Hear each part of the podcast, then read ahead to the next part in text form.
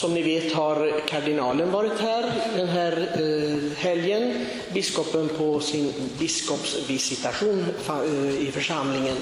Och eh, han påminde oss idag om någonting, att vi skulle märka någonting i dagens evangelium. Och han sa, märkte ni att eh, Lazarus, den fattige, han är kallad vid namn, men inte den rike. Han har förlorat sitt namn. Han har förlorat sin identitet i och med att han helt enkelt har sålt sin själ. Att leva bara för denna världens goda, som det står. Inte brytt sig om att så att säga samla skatter i himmelen. Och det är ju märkligt. Hans namn är förlorat och Jesus talade om detta att förlora sin själ. Vi vet att namnet är väldigt, väldigt viktigt. Och Gud kallar oss vid namn, står det. I sakramenten så talar man hela tiden, man frågar efter namnet. Det första prästen eller diakonen gör vid dopet är vilket namn har ni gett ert barn? Vid konfirmationen är namnet viktigt. Biskopen tilltalar en med oftast ett konfirmationsnamn. Och när vi ber för de döda vi använder namnet, inte efternamn, men förnamnet. Men i det här fallet har alltså den rike mannen förlorat sitt namn. Och Herren säger ju i ett annat sammanhang, vad hjälper det en människa om hon vinner hela världen men förlorar sin själ? Då har hon förlorat allt, förlorat sig själv. Så det är några av de saker som Herren påpekar, hur viktigt det är att vi anstränger oss för att komma in i den trånga porten. Att vi inte bara liksom lever för att vi ska få ett gott liv. Många pratar om att det är viktigt att få ett gott liv. Och vad betyder det? Ja, biskopen han räknade upp många saker som han tycker är ett gott liv. Man ska ha en fin bostad, en bra bil och ett bra arbete. listan kan bli lång, hur lång som helst. Och det är naturligtvis lite olika för var och en av oss vad vi intresserar oss för. Men frågan är om vi engagerar oss detta att uppnå frälsningen, för det är inte någon automatik i detta. Och det är Bibeln på det klara med. Oavsett om många människor i världen idag tror att så fort man dör, då får man det bra. Men det finns ju inga belägg för detta. Och dagens evangelium så är Herren väldigt, väldigt tydlig i den här liknelsen. Att få komma till trons fader, till Abraham, då måste man ha tro. Man måste acceptera sitt liv. Man måste så att säga vilja lyda Faderns vilja som Jesus själv säger om sitt eget livsprogram. Många ibland säger, talar om, men varför gör inte Gud så att alla tror?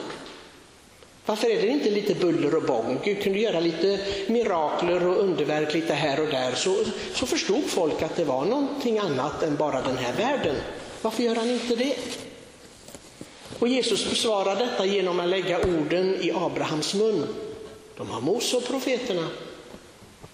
Lyssnar de inte på dem så får de skylla sig själva. Och Det kan vi ju säga även i dagens värld. Vi, man säger varför går vi inte ut och försöker omvända alla? Det spelar ingen roll hur mycket vi gör ibland. Därför att folk vill inte.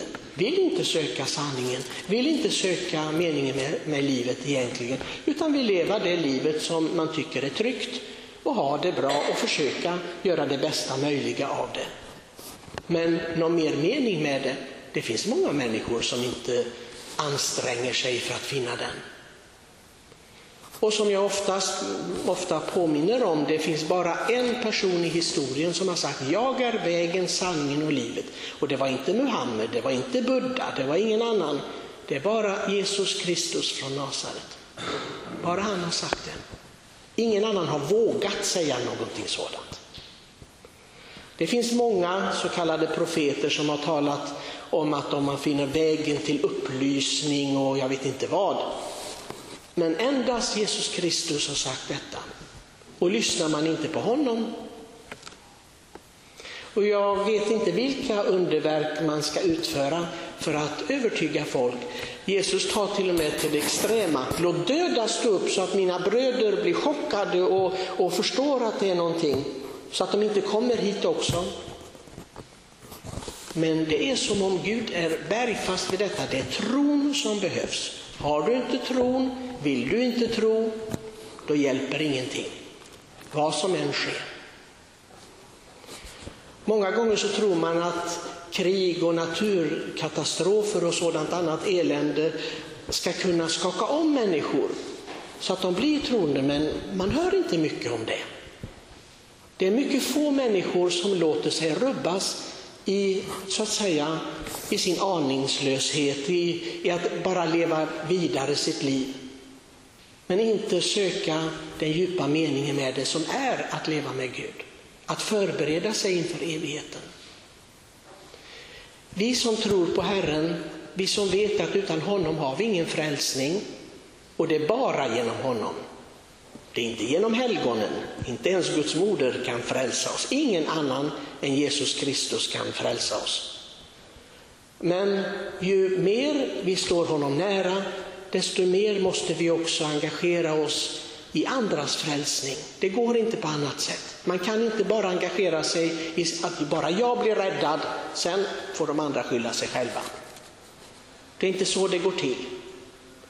Vi har ett helgon, det är missionens helgon och som har levt nära i tiden och det är den lilla Therese av Jesusbarnet som vi har en staty på där borta i hörnet. Och hon sa det till sina medsystrar, vilken lycka det ska bli för mig när jag får se alla dem som jag har tagit med mig till himmelen. Och systrarna, de äldre systrarna, de blev arga när de hörde detta, för de sa, du ska inte tro att du är någon frälsare. Det är inte du som frälser, det är Gud som gör det. Och vem hade rätt? De systrarna vet vi inte ens namnet på, vi vet bara att de, det skrevs i krönikan om denna händelse. De är bortglömda. Men hon är kyrkolärare. Så vem hade rätt?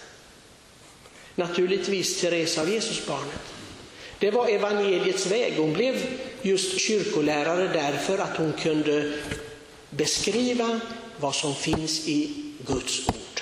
Detta är vad Gud vill. Så blir man en kyrkolärare. Och Gud vill frälsningen. Gud vill att vi kämpar för allas frälsning. Kanske har vi ont någonstans. Det är kanske någon som behöver detta, precis som Paulus säger. Aposteln säger, jag uppfyller med mina lidanden det som fattas i Kristi lidanden. Jag undrar hur många kristna som resonerar på det viset, som kommer ihåg detta. Det är en av de viktigaste teserna i frälsningsverket. Att uppfylla med våra egna lidanden det som fattas i Kristi lidande. för kyrkan, säger han. Det vill säga för människor som har behov av frälsningen. Så låt oss vara tacksamma. Vi har firat Pater Pio i fredags. Och Pater Pio, den här buttre prästen som skrek åt människor och så, när de kom till honom, jag, jag har känt några stycken som har biktat sig för honom, och jag frågade hur det var att vara andlig son och dotter till Pater Pio som de kallade Och de sa att det var förskräckligt, men tänk vad han hjälpte oss att gå frälsningens väg. Och när de kom med sina krämpor och sina problem och problem i familjen, med hälsan, med allt möjligt. Och då sa Pater Pio, var glad för detta. Det är bevis på att Gud älskar dig. Om du inte hade något elände i livet, ja, då har Gud inget förtroende för dig. Det ska du veta. Men så fort du har lidanden, det betyder att Gud har förtroende för dig och då ska du bära det med tro. Och på så vis, genom ditt lidande, kan du göra bot för dig själv och för andra människors synder.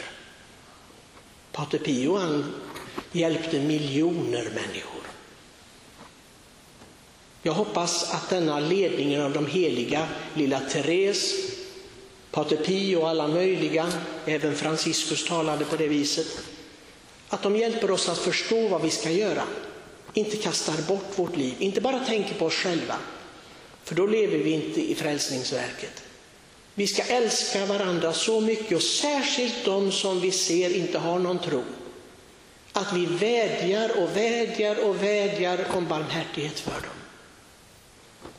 De kanske också väntar på något exceptionellt så att Gud visar sig på något sätt och ger bevis på sin existens. Gud ska inte göra det. Han har sagt tydligt och klart om Mose och profeterna. Det svarar han människor än idag. De har kyrkan. Det blir ingenting mer. Inga mer bevis ska ges. Och då måste vi hjälpa till med vår förbön, med vår barmhärtighet och särskilt att vi ger gott exempel på vår kristna tro. Må Herren ge sin nåd till detta i Faderns och Sonens och den helige